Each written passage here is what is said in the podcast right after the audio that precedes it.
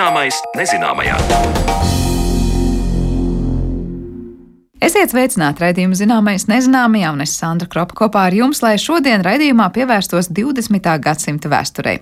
Mītu sērijā iznākusi jauna grāmata, kas šoreiz par padomu periodu vēsta, kā pielāgojamies režīmu maiņai sadzīvē un kā mūsu morālais kompass vadīja mūs laikā, kad varas kontrole iesniedzās visintīmākajās mūsu dzīves ainās. Par to šodien runāsim raidījuma otrajā daļā. Bet pirms tam stāsts par kādas slavenas fabrikas vēsturi Latvijā. Ilģu ciema stikla stāsts sākās 1886. gadā, kad Rīgas tirgotājs Jakobs Beks ar vidzemes gubernatoru atļauju sāka stikla fabrikas izveidi Ilģu ciemā, nodibinot Jakoba Beka Rīgas stikla fabriku. Gadu gaitā nosaukumi mainījās, un šajā uzņēmumā produkcija ražoja līdz 1960. gadam. Par stikla ražošanas tehniku un rūpnīcas produkciju dažādos gados vairāk Zanes Lācis Baltalksnes sižetā. Sveču pilienu uztvērēja, sveču manžetes. Tā arī tas katrs katalogā bija. Un Es domāju, ka varbūt daudziem cilvēkiem vēl arī tādi ir saglabājušies. Viņi tikai nezina, kas tas ir. Šādus attēlus nulle izdotajā grāmatā Ilģu ciema stikls no Jakoba Beka Rīgas stikla fabrikas līdz Ilģu ciema stikla fabrikai man rāda viena no grāmatas autoriem, Latvijas Mākslas akadēmijas docente, stikla māksliniece Ilze Dūdiņa. Runa ir par nelieliem šķīvīšiem ar cauru vidu, kādus agrāk palika zem svecēm, lai tām degot kūstošais vasks vai tauki nepilētu uz grīdas vai galda. Apaļi un kantaini, daži ornamentēti, citi lakoniskāki. Šādus traukus savulaik ražoja Ilģu ciema stikla fabrikā. Šo uzņēmumu 19. gadsimta 80. gados nodibina uzņēmīgs Rīgas tirgotājs Jākobs Beks, kurš ir studējis inženierzinātnes, un viņa vadībā stikla ražošanas fabrika strauji uzplaukst. Par fabrikas vēsturi stāsta vēstures zinātņu doktore, Rīgas vēstures un kuģniecības muzeja Rīgas vēstures izpētes un ekspozīcijas darba nodaļas vadītāja Margarita Barsdēviča. Ir 1886. gads, kad viņš ir nopircis vairākus gruntsgabalus ilģu ciemā un lūdza atļauju, kā to laik teica, koncesiju atklāt tādu nelielu mehanizētu glāzšķūni būtībā neko daudz. Bet tad jau ir 1888. gads, kad mēs arhīvā atrodam plānus, kuros tiek pārbūvēta esošā fabrika, tiek būvēta novietne tvaika katlam, tiek būvētas uzlabotas dzīvojamās mājas strādniekiem. Nu, galvenais uzlabojums, cik no plāniem var spriest, ir gan šīs strādnieku dzīvokļi, kas tolaik bija raksturīgs, gan arī paplašināta tāda lieta kā ķemertiņš. Būtībā Beka vadībā uzņēmums strauji uzplaukst, fabrikā pieņem ekskursantus, ierodas eh, vērot, kā top stikla pudeles. Tātad Beka fabrika tas ir arī tāds brīnums rīzniekiem, kuri dodas ekskursijās, dodas vērot, kā eh, top izstrādājumi tā dēvētās smilšpūtas tehnikā. Un jāsaka, ka jau 19. gadsimta beigās tas ir tāds, manuprāt, attīstīts uzņēmums, kur ražo arī baltā stikla izstrādājums, kas mūsdienās laikam būtu saprotams kā vienkārši caurspīdīgais stikls, bet tolaik tas jau ir tāds augsts kvalitātes rādītājs. Un iespējams, ka šis uzņēmums būtu attīstījies un ieguvis tādu plašāku atpazīstamību jau tolaik, taču īpašnieks Jākovs Beks ir slims ar tuberkulozi un pārāk 1894. gadā nomirst. Pēc tam uzņēmums turpina darbību, viņa mantinieki pārveido to pa akciju sabiedrību un līdz Pirmajam pasaules karam uzņēmums paliek ģimenes rokās. Taču būtībā nu, tādā plašākā sabiedriskā apritē ar reklāmām vai kaut kādiem īpašiem pasākumiem Beka fabrika īpaši neizceļās. Taču produkcija ir pazīstama. Pēc Pirmā pasaules kara fabrika atsāk savu darbību. Ar saviem ražojumiem piedalās vairākās starptautiskās izstādēs. Tuvāko gadu laikā mainās fabrikas īpašnieki, un 1927. gadā tā tiek pārdēvēta par akciju sabiedrību Ilģu ciema stikla fabrika. 30. gados uzņēmums ražo gan smalkus kristāla izstrādājumus, gan arī stikla burkas konservēšanai. Tajā laikā top mākslinieciski augstvērtīga produkcija sadarbībā ar profesionāliem māksliniekiem Ansi Cīruli, Jēkabu Berķi un Romānu Sutu.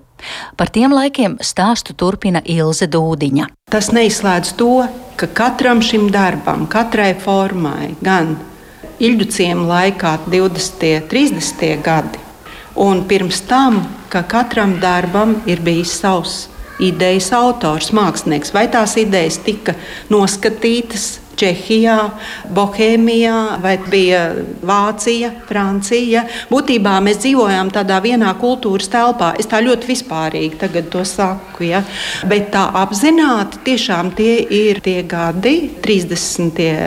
gadi, kad arī ir šī ieelpa, ja šis uzplaukums Latvijai kā valstī arī. Un, pacēlums, un, un tad ir piedalīšanās starptautiskajās izstādēs Parīzē, Berlīnē un gūti panākumi tieši ar Latvijas kristāla izstrādājumiem, kuri kā avoti raksta. Varētu Margarita man paturpināt, jā, izcēlušies ar ārkārtīgu kristālu kvalitāti. Jā arī guvuši augstu novērtējumu Parīzes izstādē Grand Prix, bet ko es gribēju vēl piebilst, ka būtībā līdz 20. gadu beigām, 30 gadiem, mēs praktiski par to produkciju zinām tikai no avotiem, ka tur ir dažādi baltā stikla izstrādājumi, ka viņi augstu vērtēti vai kad eh, pārdots par diezgan lielām summām, jā, apgādāts visas Baltijas provinces pirms Pirmā pasaules kara, bet kādi šie trauki izskatījušies mums tikpat kā nav zināms. Un, ja runājam par produkciju, tad, tad mēs varam izsekot, kā tas viss attīstās.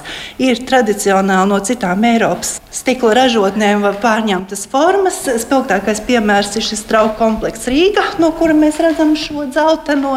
Tā, tā mēs pieejam tagad pie vitrīnas un mēģinām radio klausītājiem aprakstīt aprakstīt, uz ko es skatos. Uz dzeltena stikla bļodiņu, kas teiktu, nu, tāds kristāls presēts, presēts, presēts stikls. Un uh, atkal ir šī modes tendence, tātad urāna stikls. Jā, Ko tas nozīmē? Iekrāsots ar urāna oksīdu. Jā, tas ir dzeltenais pigments. Jā, nu, mēs arī zinām, jā, ka urāns tas izklausās diezgan radioaktīvi. Jā, bet tā atkal ir šī Eiropas modes tendence, un arī Latvijā tādi trauki tika ražoti. Protams, kā tas viss arī atsaucās cilvēku veselību. Ir ļoti daudz arī avoti, zinām, kur eh, daudzi cilvēki savos dzimtas kokos piemin, ka viņa senči, kas ir strādājuši Ilģisiem fabrikā, ir pazaudējuši savu veselību. Ja? Jo nu, ir arī ārsēns, ja tā tīri no tehnoloģiskā viedokļa, ražošanas process, un tas viss jau arī kristāla stiklu vārīt, tas jau viss ir ļoti, ļoti sarežģīti. Bet eh, šis urāna stikls tā ir tāda vispārēja tendence modes, un, un tā arī Latvijā. Otrā pasaules kara laikā Ilģu ciema stikla fabrika turpina darbu, ražojot galvenokārt stikla tāru un vienkāršus ikdienā nepieciešamus stikla izstrādājumus. Arī pēc kara uzņēmums turpina ražošanu un līdzās smalkām vāzēm, kuras gatavoja tā laika nozīmīgiem padomju varas svētkiem un kas arī tika dāvināts arī tā laika valdības pārstāvjiem, top arī taras trauki, kas domāti gan smaržām, gan arī piena produktiem. Bet agrākos ziedu laikus fabrika vairs nepiedzīvo. Par to turpina Margarita Barzdēviča. Padomu laikā tendence ir tāda, ka mainās ekonomika, tā tad vajag ļoti daudz stikla taras. Arī īģusiem stikla fabrikai visu laiku pārmet, ka viņi ražo pamaz pudeles, kur pildīt. Ik pa laikam viņus spiež ar vien vairāk ražot stikla taru parfimērijas izstrādājumiem. Un, protams, fonā ir arī pārņemta un turpināta un arī tiek izveidots jaunas formas mākslinieckajiem skaistajiem stikla traukiem, bet tos nevar saražot par nelielu naudiņu, lai pietiktu visai Padomju Savienībai. Tātad šis klāsts ir neliels, bet tomēr gribas. Piemēram, ir jaunatnes festivāls 57. gadā tiek ražoti speciāli krāšņi trauki. Jau 50. gadu sākumā tiek atklāta mākslinieckā stikla apstrādes darbnīca, tiek arī ražots trauki. Bet tas ir tāds neliels produkcijas klāsts, kurām ir tendence samazināties. Jo ir pat tāda lieta, ka stikla slīpētājiem ne visiem pietiek darba. 50. gados fabrikā darbu turpina ļoti daudz slīpētāju un stikla pūtēji, kas ir amatu apgūši 30. gados. Ja? 50. gadu vidū presē pat var lasīt tādu izmisuma saucienu no stikla pūtējiem, ka šajā amatā vairāk neviens netiek apmācīts, jo viss iet uz automatizāciju, lai varētu viegli lēti izgatavot šīs pudeles, kaut kādu vienkāršu stikla produkciju, bet tam krāšņiem paliek ļoti maza vieta. Un tas arī noved pie vairākām traģēdijām. Nu, tāds spilgtākais piemērs, ko man gadījies lasīt, ir par stikla slīpētāju Viktoru Kuzņecovu. Varētu sakot, viņiem ir šī sūtas dibinātā skola. Viņš ir augsts klases slīpētājs, 38. 9. gads apgūst profesiju. Tagad 50. gadu sākums, 40. beigas viņš jau slīpēs šīs krāšņās padomju varas eh, lielajiem svētkiem veltītās vāzes, kur, protams, ir materiāls, var izvērsties. Bet eh, drīz vien viņam darbs apsīkst, viņš jūtas nevajadzīgs vairs šai sistēmai, jo viņa prasmes nav vajadzīgas. Viņš pat pamet īļciem stikla fabriku, dodas strādāt uz komunāru, kur arī ražo līdzīgu produkciju, bet arī viņiem tā sakot, to smalko viņa smalkajai dimanta slīpētāji kategorijai atbilstošās produkcijas ir ļoti maz. Nu, tā kā būtībā līdz ar šo te tendenci maiņu tas varētu teikt ir tāds salauzts cilvēka liktenis, jo viņš savu pamatu tur nespēja pielietot. Kā var lasīt sākumā minētajā grāmatā par Ilģu ciema fabrikas vēsturi, pēc tam, kad Kuzņecovs vīlās arī stikla fabrikas komunārs darbībā, Viņš vēlējās atgriezties atpakaļ Ilģu ciemā, taču Ilģu ciema fabrikas vadība vairs negribēja viņu ņemt atpakaļ darbā. Direktors aizbildinājās, ka uzņēmums ražo pārsvarā zemes kvalitātes produkciju, kuras apstrādēji nav vajadzīgi tik daudzi augstas kvalifikācijas slīpētāji un gravieri. Ar augstāko amatpersonu atbalstu Viktoram Kuzņecovam izdevās panākt, ka viņu pieņem atkal atpakaļ Ilģu ciema stikla fabrikā, taču jau 1953. gadā meistars lūdza viņu atbrīvot specialitātei atbilstoša darba trūkuma dēļ. Un 1960. gadā tiek pieņemts lēmums, ka fabrika Ilģu ciemā darbu, protams, turpinās, bet uzņēmums patstāvīgs ar zīmolu Ilģu ciemas stikla fabrika beidz pastāvēt. Un šo fabriku kopā ar Rīgas stikla taras fabriku iekļauj fabrikā Rīgas stikla sastāvā. Fabrika darbu turpina, akcents ir šī stikla tara, bet zīmols, kas tolaik jau bija tāds slavens zīmols, Ilģu ciemas stikla fabrika ar 60. Gadu zūd. Un presē 60. gadu vidū jau ir atziņa, ka Ilģu ciemas stikla fabrikas produkcija tā jau ir ar tādu muzeālu vērtību, kas vairs ražota netiek, bet muzejos viņu joprojām un kolekcionāriem būs ļoti augstā vērtē.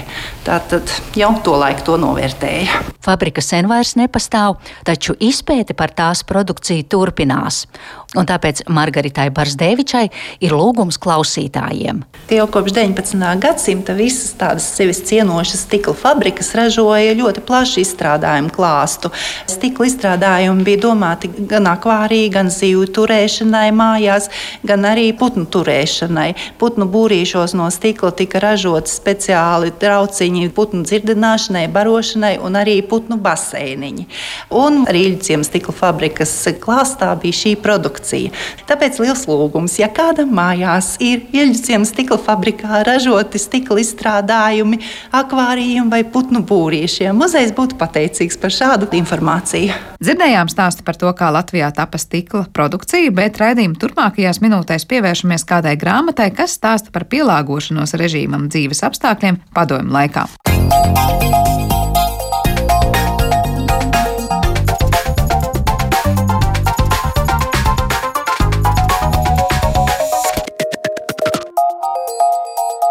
Zināmais nezināmajā. Dažādiem sabiedrībā valdošiem vēsturiskiem mītiem veltītajā grāmatu sērijā klajā nācis jauns izdevums. Šoreiz tas šķetina laiku, kas lielai derē Latvijas iedzīvotāju ir pašu personīgās atmiņās. Kā mēs pielāgojāmies dzīvē jaunā režīmā pēc otrā pasaules kara beigām, kāpēc nepretojāmies padomju varas ienākšanai un cik tālu iesniedzās varas kontrola un kas notika ar mūsu vēsturisko atmiņu laikā, kad pretkomunistiski uzskati tika bargi sodīti. Par to šodien mēs vairāk runāsim ar mūsu šīs dienas attālinātās studijas viesiem - grāmatas idejas autoru un žurnālistu Māri Zanderu. Sveiks, Māri! Sveiki. Kā arī grāmatas līdzautoru, vēsturnieku un vidzemes augstskolas vadošo pētnieku Gati Krūmiņu. Sveiks, Gati! Sveiki, sveiki! Māris, laikam, sākšu ar jautājumu tev, jo šajā grāmatā nu, ir intervēti vairāki pētnieki par ļoti atšķirīgām padomju dzīves jomām. Kā radās ideja rakstīt tieši par tādu ļoti nu, sensitīvu tematu, un sensitīvu tajā nozīmē, ka nu, droši vien katram ir, nu ne katram, bet daudziem no klausītājiem ir arī savas atmiņas un stāsts par to, bet tas taču bija manas dzīves laikā, un es to darīju vai nedarīju tāpēc, ka kāda ir tā sākotnējā ideja šai grāmatai un vispār iecerēji? Ir tā, ka nu, tāda instrumentāla attieksme pret vēsturi vispār nav labs tonis. Gata droši vien to apstiprinās, bet šajā gadījumā man bija tā ļoti, nu jā, tāda praktiski piezemēta tā attieksme, proti, šī situācija, ko mēs varam aprakstīt kā pielāgošanās vai tieši otrādi nepielāgošanās. Tā ir regulāri, tā regulāri nepatīkami regulāri atkārtojas cilvēces vēsturē. Un no šī viedokļa, respektīvi, tā nav tēma, kas ir vienkārši uh, nu, saka, akadēmiski pētām un pāršķiram lapas puse, bet tā ir tāda, ko, ar ko mēs saskaramies. Domāju, saskarsimies arī turpmāk, vai ar kuru, piemēram, šobrīd saskarās, es domāju, liela daļa Krievijas sabiedrības, kurai ir izvēle, kā rīkoties veidot savu kaut kādu mēģināt autonomu telpu un, un nesadarboties ar režīmu, sadarboties līdz kādai robežai. Izsakot, tā, tā ir tāda kaut kāds uzvedības eh, modelis vai kaut kāda matrica, notikuma matrica, kas ir. Kas visu laiku atkārtojās. Un man, un man tāpēc likās, tāpēc par to interesanti eh, parunāt ar, ar, ar ekspertiem. Un, un, un, un, un tā. Es kā teikt, negribu piesaukt nelaimi, bet es domāju, ka es varēju sakot, es domāju, ka tā ir situācija, nu, kas nav vienkārši apzīmējumi, ka ah, nu, tas bija okupācijas periods, okupācijas periods beidzās, uz mums tas vairs neatiecās. Es baidos, ka uz mums tas attiecās tās jomas, par kurām ir rakstīts, un, eh, nu, teikt, kuru jomu speciālisti ir vairāk intervēti un izvaicāti, ir tātad uh, gan baznīca, gan virtuve, gan politika, gan svētku svinēšana, folklora. Uh, var teikt, ka tās ir atlasītas jomas, nu, caur kurām mēs varam teikt, vai nu varēja vairāk pretoties, vai mērīt, cik nu pienācīgi pretojās vai nepretojās, vai jomas, kurās ļoti saskārās ar to padomi varas, varbūt uzlikto ideju, nu, kur tika nesta cauri kaut vai šīs padomi folkloras tautas dziesmas, ja, kas slavināja tur Stalinu vai Kolhozu? Nē, man drusku jāapbēdina. At, tā atlase lielākoties bija saistīta ar, ar pieejamiem ekspertiem.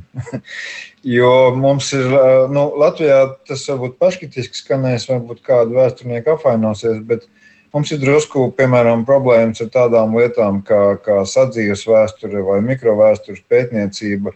Jo, jo tas varbūt tagad skanēs nu, tā ļoti riskanti, bet, ja es skatos kaut vai kāda ir vēstures zinātne arī Krievijā, pat attīstījusies par rietumiem, nu, nerunājot. Tad tur, piemēram, ir iespējams, ir cilvēki pētījuši, kas ir nu, kaut kādu personīgo vēsturi vai, vai tam līdzīgi, kas nu, atspoguļojās ar kaut kādām, nezinu, cilvēku stāstiem vai tam līdzīgi. Mums tā īsti nav. Tāpēc patiesībā lūk, mēs skatījāmies, kuri cilvēki kādas tēmas ir pētījuši. Piemēram, Gads viena tēma, Sovēja Krūmiņa, Kaņkova par reliģiju un tā. Un tāpēc mēs likām kopā vienkārši paļaujoties uz to, ka lūk, šie ir cilvēki, kuri zina, ko viņi runā. Un mēs viņiem attiecīgi neuzdevām jautājumus, kur būtu varbūt nu, muļķīgi uzdot jautājumus, nu, zinot, ka viņi, tas nav viņa pētījuma objekts. Lai gan varbūt vajadzēja. Nu, tad es Gatam uzdošu pirmo jautājumu. Par, nu, protams, Gatis varbūt no savas perspektīvas vairāk stāstīs, no savas pētniecības perspektīvas, bet šī pielāgošanās. Nu, tādās eh, kopējās līnijās runājot, vienalga par kurām jomām var teikt, ka Latvijā izteikti vairāk pēc otrā pasaules kara tad, nu, un vieglāk cilvēki pielāgojās tai padomju varai. Un salīdzinot ar, nezinu, Igauniju vai Lietuvu, par maz pretojās, par maz iebilda.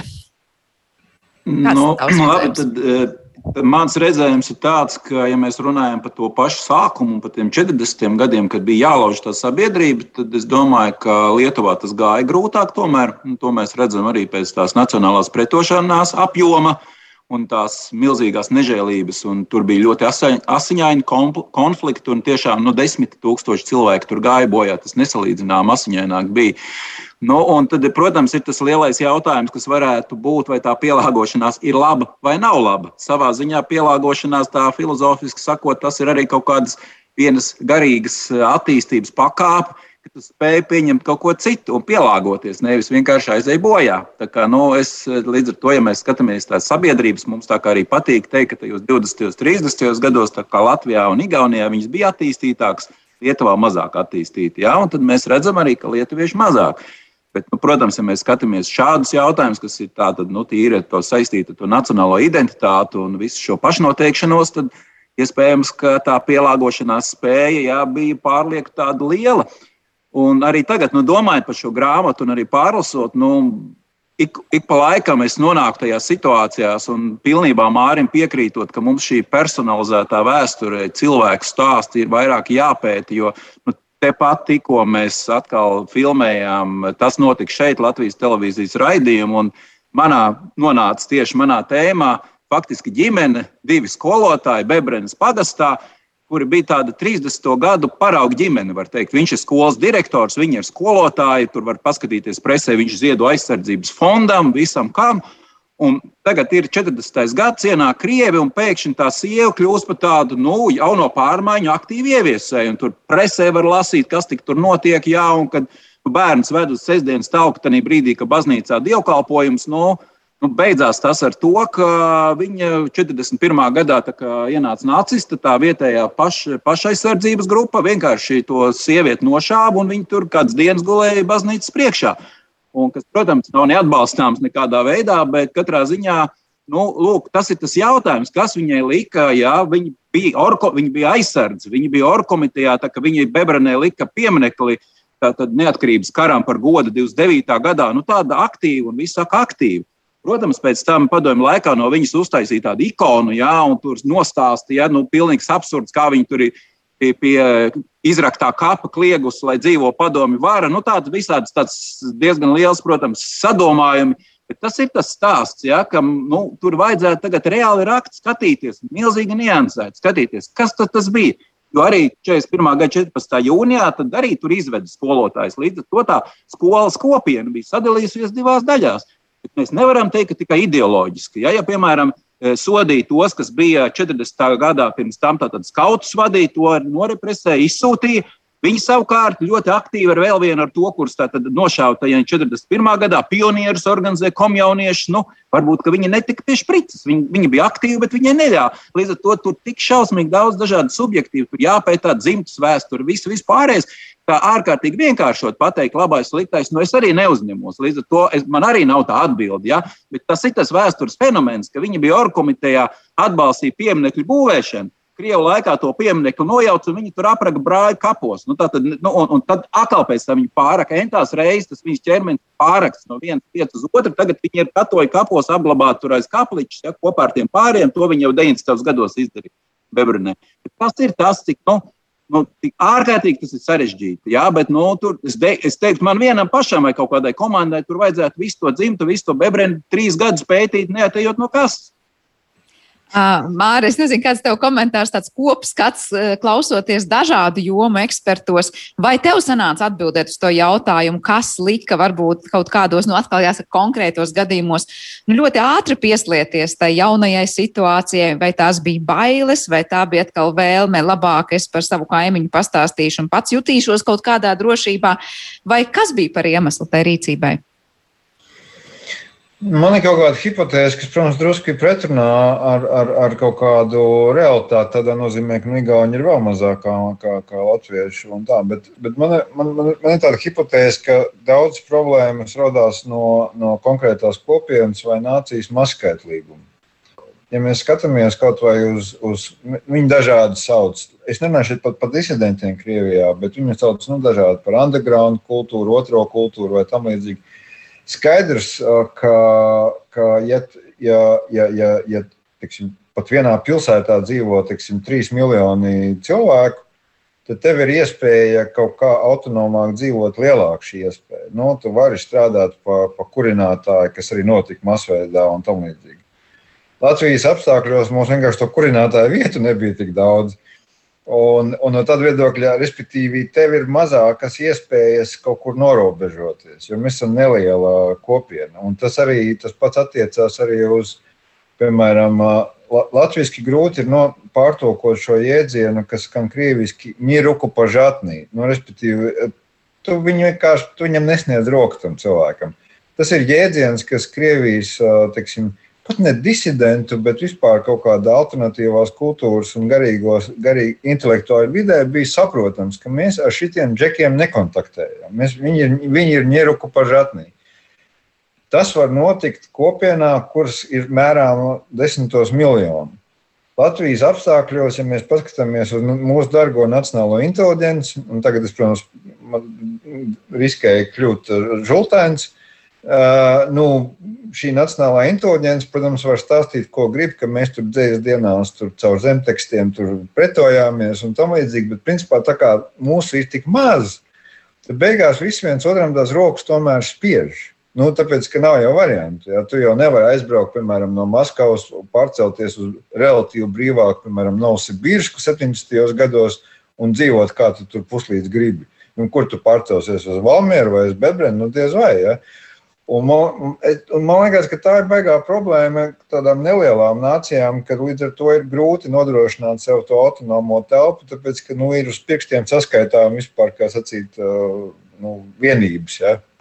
Es pareizi saklausu arī grāmatā, uzdodot šos jautājumus, kas bija lasāms, var just, ka uh, nu, cilvēkiem, kas strādājas, nezinu, tur kultūras jomā, likās, ka viņi tiešām katrs citāds bija, nu, to pigu mēs turējām kabatā, bet patiesībā bija tā kā, nu, vēlme paslēpties aiz tā, ka mēs jau bijām ļoti noskaņoti pret un starp rindiņām mēģinājām tur iebilst varai, bet patiesībā, ja paskatās tos darbus, vienalga vai tas ir filmas vai tā ir dzēja, nu, nebija nemaz tik ļoti liela tāda, nu, pretošanās esošai un drosmīgi varbūt pretošanās esošai kārtībai vērojami. Nu, kā, nu, tur, ir, uh, nu, tur ir dažādas lietas. Tur, tur jābūt drusku uzmanīgi arī, tāpēc, ka mēs no šodienas vērtējot, mēs kaut ko varam nenovērtēt. Ja, piemēram, uh, ja šodienas apstākļos nu, mums varbūt ir grūti saprotams, cik cilvēku motivēja iespēja tikt pie kaut kādiem labumiem. Nu, no tāda viedokļa dabūt uh, Moskviču bez rindas vai, vai teiksim, normālu nu, kaut kādu pārtiku pa blatu vai kaut ko tamlīdzīgu. Es pieļauju, ka vienkārši tie cilvēki to pigu turēja tikai daļēji un īstenībā pielāgojās, tāpēc ka viņi vienkārši, nu, bija situācija tāda, ka visa kā pietrūka, un viņi vienkārši gribēja puslīdz normāli dzīvot. Vai tas ir attaisnojums? Nu, grūti pateikt. Bet es vēlreiz saku, nu, no mūsdienu viedokļa, ka tu aizēji uz veikalu un nopērci visu, ko tev vajag, ja vien tev ir nauda. Es pieļauju, ka mums pat ir grūti iedomāties to situāciju. Ja. Es domāju, ka līdz ar to, protams, arī, nu, ja Šodien ir viegli viņus tiesāt. Un, un tā, man, man šķiet, ka tā lielākā problēma bija, bija tā, ka, lai ko arī tagad kāds neteiktu, neviens jau īsti necerēja uz Latvijas neatkarības atjaunošanu nu, viņu dzīves laikā. Un, un tas, tā, kā tas ietekmē cilvēku uzvedības modeli tajā brīdī, kad tu neredzi to gaismu tuneļa galā. Tas ir kaut kā pavisam savādāk nekā uh, man, Gatim vai vēl citiem, kuri nu, aptuveni 68, 70, 72 dzimšanas gads, kuri kā, nu, nāca pie, pie sajēgas daļēji. Jo pie, pie pilnas sajēgas mēs joprojām neesam. Uh, nu, nezinu, 88. gadā, kad, 87. gadā, kad bija jau kā, nu, kaut kāds vispār cerības stars. Un tas ir līdz ar to ir baigi grūti saprast to cilvēku, kas dzīvoja tādā, nu, tādā rīktīgi tumšajā, tādā, nu, režīmā, viņa domā, kā viņi uztvēra tās lietas. Tā pašā laikā es vienkārši nu, pabeidzot šo garo vāļošanu. Nu, protams, ir arī varianti, ka tu varēji mēģināt kaut kā nepiedalīties. Un, un, un, un man šajā ziņā, nu, nu, nu man ir kaut kāds mans dzimtes stāsts, kur vienkārši jau, kad es skolā mācījos, es teicu, ka es gribu būt vēsturnieks. Un man, un man vecāki teica, nē, tu nebūsi vēsturnieks tā iemesla dēļ, ka tev būs nu, jānodarbojas ar ideoloģiju. Es teicu, ka es vienalga gribu būt vēsturnieks, un tam man tēvs teica, ka, nu, labi, bet tālāk par 19. gadsimtu nē. Un rezultātā es biju spiests mācīties vācu valodu, jo es esmu pats no angļu skolas. Respektīvi, tu vari, tu principā, nu, ja tev vienīgi pašam bija kaut kāda samērā precīza, tā kā vairāk vai mazāk pieļāvumi par to, kur ir robežas sadarbībā. Principā nu, nebija arī gluži tā, ka atlikt tikai nu, pacelt rokas un teikt, nu, ir tādi laiki, ko darīt, un nu, neko nevar darīt. Bet vispār tiesāt ir grūti. Jā. Uh, bet par to sadarbošanās robežu es arī Gatim gribu dot vārdu. Es zinu, ka par to arī grāmatās pats esmu vaicājis, kur ir tā robeža. Viena ir iet, es nezinu, un ziņot par kaimiņu, vai es nezinu, piedalīties uh, partijas lietās vai kā komjonatnēs. Cita lieta ir ar sajūtu, ka es taču pretojos, jo, lūk, es tur, tur turēju to pigu kabetā, kā daudz teica. Ja? Kā nošķirt, kur tā jau ir sadarbošanās, vai tā vēl nav sadarbošanās? Jo, redz, darīju mazāk nekā varbūt būtu varējis vēl darīt, lai sadarbotos. Gati, kā tev liekas? Jā, nu, nu, tas ir atkal tas ļoti sarežģītais jautājums. Un es varu arī padalīties ar Māri, kāpēc man pirmā izglītība ir mūzika, un tikai maģistra un doktora grāts ir vēsture. Tas ir tieši šādu pašu ideoloģisku apsvērumu dēļ. Man bija pilnīgi skaidrs, ka zinātnisko komunismu es vienkārši nepacelšu. Ja? Tāda bija mana izvēle. Ģimene teica, ej studē mūziku, tad varbūt tās tu netiksi uz Afganistānu, varbūt tiks orķestrī, varbūt tev tur nenošaus. Tas bija ārkārtīgi pragmatisks lēmums. Ja, kad es aizgāju uz mūziku, nogriežot kaut kādus citus virzienus, kas patiesībā man interesēja toreiz vairāk, ja, nu, līdz ar to tā arī bija daļa no tādas izdzīvošanas skolas. Bet, nu, vēl, teiksim, ko es varu minēt, piemēram, tieši to, kas notiek šodien, skatoties. Jā, šodien šī sieviete, tātad uzvaras parka pieminekli, tiek demontēta. Un, uh, Šis eh, viens no autoriem ir Aivars Gulbis, eh, manas māmas brālēns, tātad nu, salīdzinoši attēls un radinieks. Es atceros tos 80. gadus, ja, kur viņš piedalījās. Nu, kā, viņam trīs bērni, viss kaut kas, un viņš par to dabūja Volgu.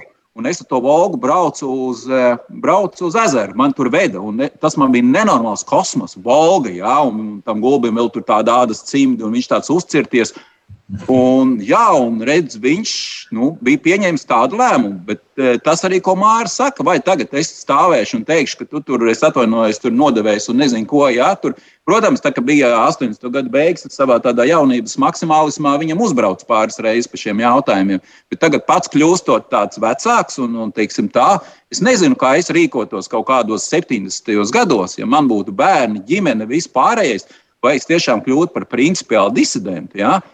Vai arī, teiksim, es veidotu kaut kādu nosacītu karjeru, ja, cik tālu es ietu, godīgi sakot, es tā pilnīgi godīgi varu pateikt, es nevaru šo atbildi sev dot. Tāpat attiecībā uz tiem eh, zinātniekiem, ja, kas eh, parakstīja vienošanos ar Čeku, lai tiktu uz ārzemēm vismaz paostīt gaisu. Loģiski jautājums nav par to, teiksim, vai tu aktīvi tagad sāc un kādu par kaut ko ziņo. Bet es nevaru nevienu nosodīt par to, ka viņš, piemēram, tiek uz Austriju, tiek ar ārvalstu zinātniekiem, nu, parakst to vienošanos. Godīgi sakot, es nevaru šo atbildi tā pilnīgi godīgi arī dot, kā es rīkotos 78. gadā. Es domāju, mēs neviens nevaram atbildēt to cilvēku vietā, kas šos lēmumus pieņēma, un tikai viņiem zināmi tie apstākļi, motivācijas, bet mēs varam runāt par procesu kā tādu, kas notika, un par čeku runājot. Gati, tu tikko pieminēji arī grāmatā interesants fakts, ka vai tā ir tiesa, ka Rīgā patiesībā Latvijā bija daudz vairāk čekistu salīdzinājumā ar Lietuvu vai Igauniju, un patiesībā tie, kas devās pensijā, pārējās Baltijas valstīs brauc pēc tam uz Rīgu. Kāpēc tā? Kāds ir iemesls? Nu, kāpēc tāda čekistu meka bija? Jā, to es varu pierādīt ar faktiem. Jā, kā vēsturniekiem, fakti tā ir laba lieta. Tad es pētīju finansējumu, kā gāja naudas plūsmas 40, 50, 60 gados Baltijas valstīs. Un es redzēju to, ka tajā brīdī, kad tātad, nu, pēc Berijas nāves, Staļina nāve, tad Berijas soda nāve teiksim, ir diezgan liela reforma. Uh, PSRS pēcdienestos un ļoti daudzus bijušos Staļina laika čekistus atvaļina no, no, no, no, no darba, un viņi pensionējas. Un es redzu, cik milzīgi Latvijas teritorijā pieaug pensijas čekistiem. Lietuvā gandrīz nemaz, faktiski nemaz nepieaug, jā, un Igaunijā arī ļoti nedaudz. Līdz ar to 50. gadu vidū Eh, Rīgā milzīgi pieauga cilvēku skaits bijušo čekis, kas pensionējās. Un tā mana hipotēze, ka no Baltijas valstīm, īpaši no Lietuvas, kur viņas nemīlēja vai mīlēja daudz mazāk, viņi pārcēlās pie mums. Līdz ar to tā vide 50. gados, par ko bija hipotēzes par to, ka 59. gadā nacionāla komunistu, teiksim, šis, nu, faktiski, ja tā var teikt, šo cilvēku nobīdīšana pie malas, lielā mērā bija saistīta ar čeku un bijušiem čekistiem. Jā, es varu apliecināt, ka tā tas bija. Līdz ar to, ja pensija, pensionāru skaits pieaug vairākas reizes, ja, kas maksā izdevumu par pensijām, un Lietuvā ir tāds pats skaits, ka pie mums pieaug. Ja, tas ir tas fenomens, ja, ka mūsu vide tomēr, tas 40. gadu nacionālais partizānu karš, kas bija Lietuvā, nu, tur neviens negribēja palikt, jo pat 50. gados viņi nebija droši. Bet mums tā vide bija tāda, viņiem vairāk pieņemama. Vēsturiski Rīga arī daudz eh, multikulturāla, multinacionāla pilsēta, krievu valoda diezgan daudz cilvēku prata, viss notika. Ja? Līdz ar to jā, tā ir realitāte, ka mums čekistu reāli bija vairāk. Ja? Un es neesmu salīdzinājis vēl gājis tālāk 80. gadus, ja? cik daudz proporcionāli, bet pa 50 gadiem vienos vārtos. Nu, mēs bijām tādi faktiski, jā. Un tas bija tas jautājums, ko arī tur Berklaus un kas tur pretojās un teica, ka vajag tos ierobežojumus uzlikt gan armijniekiem, militāru personām, pāriem, lai nebrauc tik daudz iekšā. Jo tie bija vēl gados jauni cilvēki salīdzinoši, nu kaut kur spēka gados, tādi kā mēs ar Māri šobrīd, ja, viņi ir pensionējušies, bet viņi vēl grib kaut ko darīt. Ja, tad viņi nu, ievieš šo sociālismu. Vēl viens pārmetums nosacīt, varbūt, kas bija saklausāms arī mm, attiecībā uz Latvijas sabiedrību, tolaik bija tas, ka par maz interpretējām sev par labu kaut kādas, es nezinu, vai tur nu, likumus vai, vai noteikumus, vai kā pareizāk būtu jāsauc. Vai tā ir tiesa, varbūt Mārs grib pakomentēt to, kas attiecas uz Latvijas pusi, jo vismaz grāmatas lapusēs es sapratu, lietuvieši tur tā kā sev par labu kaut kā interpretēja lietas un novirzīja, ka notiek kaut kāda ražošana un attīstība arī provi, nu, provinces pilsētās, varbūt reģionāli. Igauņi savulaik, es arī tagad neatceros par ko precīzi, bet bija kaut kādus ierobežojumus noformulējuši tā, lai Igauniem būtu labāk. Proti, it kā pildījām Maskavas teikto, bet mazliet pa savam. Vai var uzskatīt, ka Latvijā mēs mazliet grēkojām un, un sevi apdalījām šajā jautājumā? Tā ir tā lielā mērā Sergeja Kruktēze runājot par, nu, ka par Jāņa svinēšanu un tam līdzīgi. Viņam ir šī tēze, ka bieži vien nemaz tāda, ne, nu, ka notika izkalpošanās vai, vai kā krievi teikt, skriešana pa priekšu lokomotīvai. Man ir grūti pateikt, nu, Lietuvā, jo tur ir dažādas lietas, nu, Lietuvā tas savukārt tas stāsts par to, ka viņi saimniecisko politiku it kā veidoja nu, patstāvīgāk, bet, bet atkal, nu, redz, nu, te ir tas jautājums tā veidošana, tā, kā, tā iespēja veidot bija, bija saistībā ar to, ka nu, viņi paši nostiprināja sev, savas pozīcijas, nacionālo kadru pozīcijas kompartijā. Un tas, tas ir viens brīnišķīgs stāsts, ko, ko es vēl atceros no, no saviem pusauģu gadiem, kad, nu, kad teica, ka vai, kāpēc vajag stāties partijā, tāpēc, ka Leišs stājās partijā un, un, un redz, cik viņiem viss ir labi, nu, salīdzinot ar Latviju. Vai tā cena nu, ka viņi, pieņemsim, varēja kaut ko vairāk uh, sev varbūt izdabūt no centra un tam līdzīgi nekā Latvijā, jo viņi paši bija sastājušies partijā vairāk, cik es saprotu. Vai tā cena ir, ir to vērta? Man ir grūti atkal pateikt, jo mēs tā kā pēc aprīļa principa nonākam atpakaļ. Nu, vai, vai, vai, vai tā cena ir to vērta?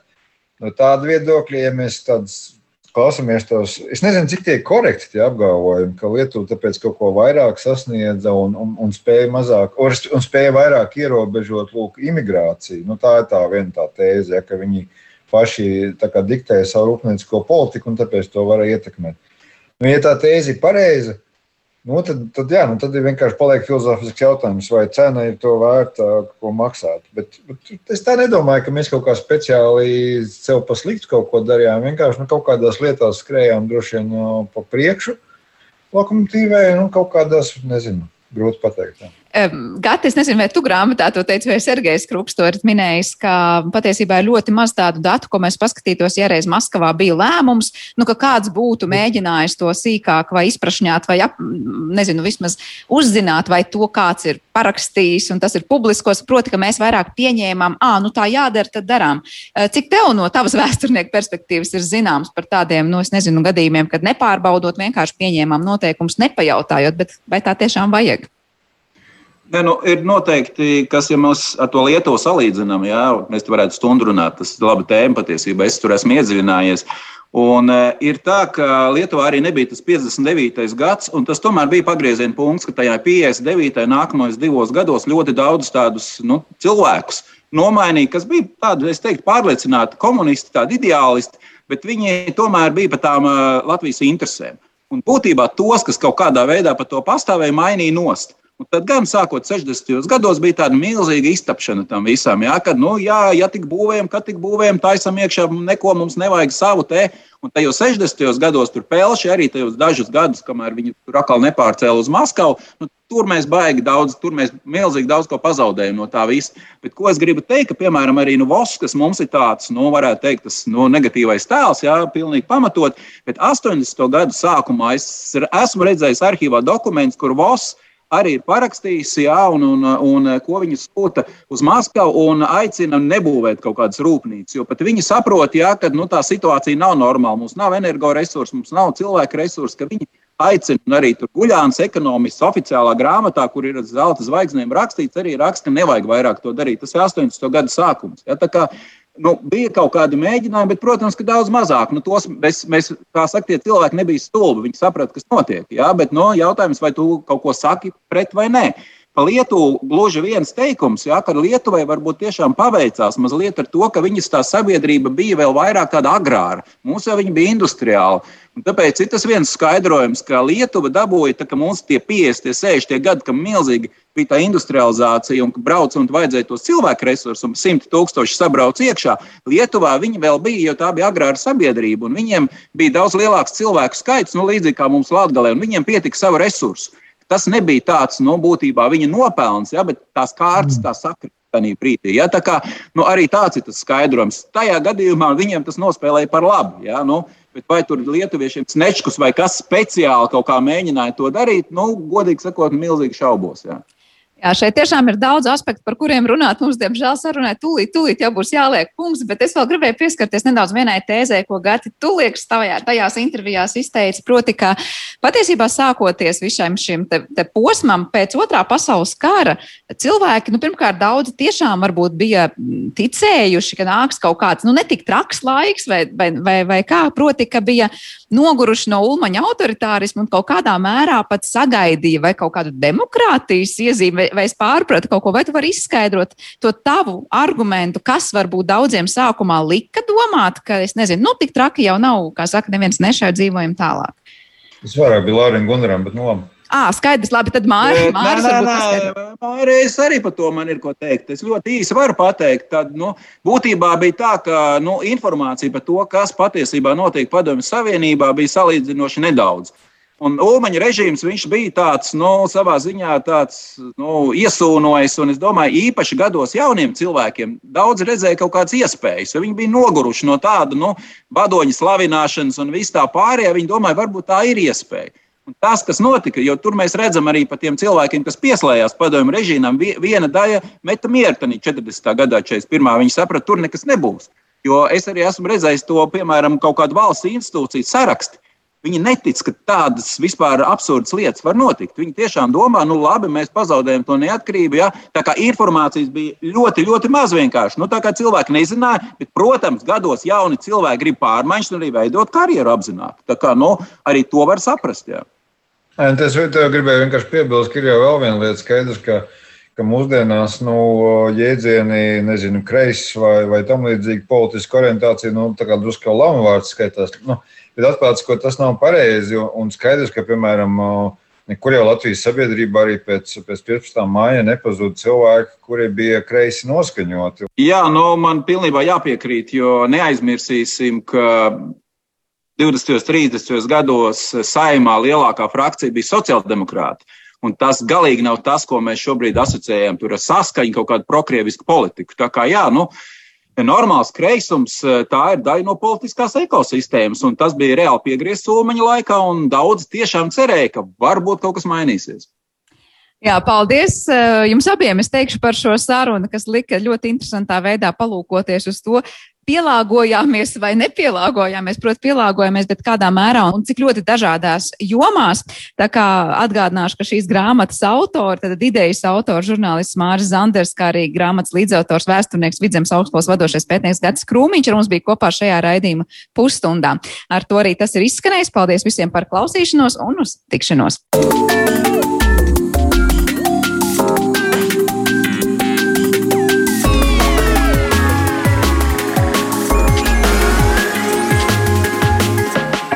Zināmais nezināmajā.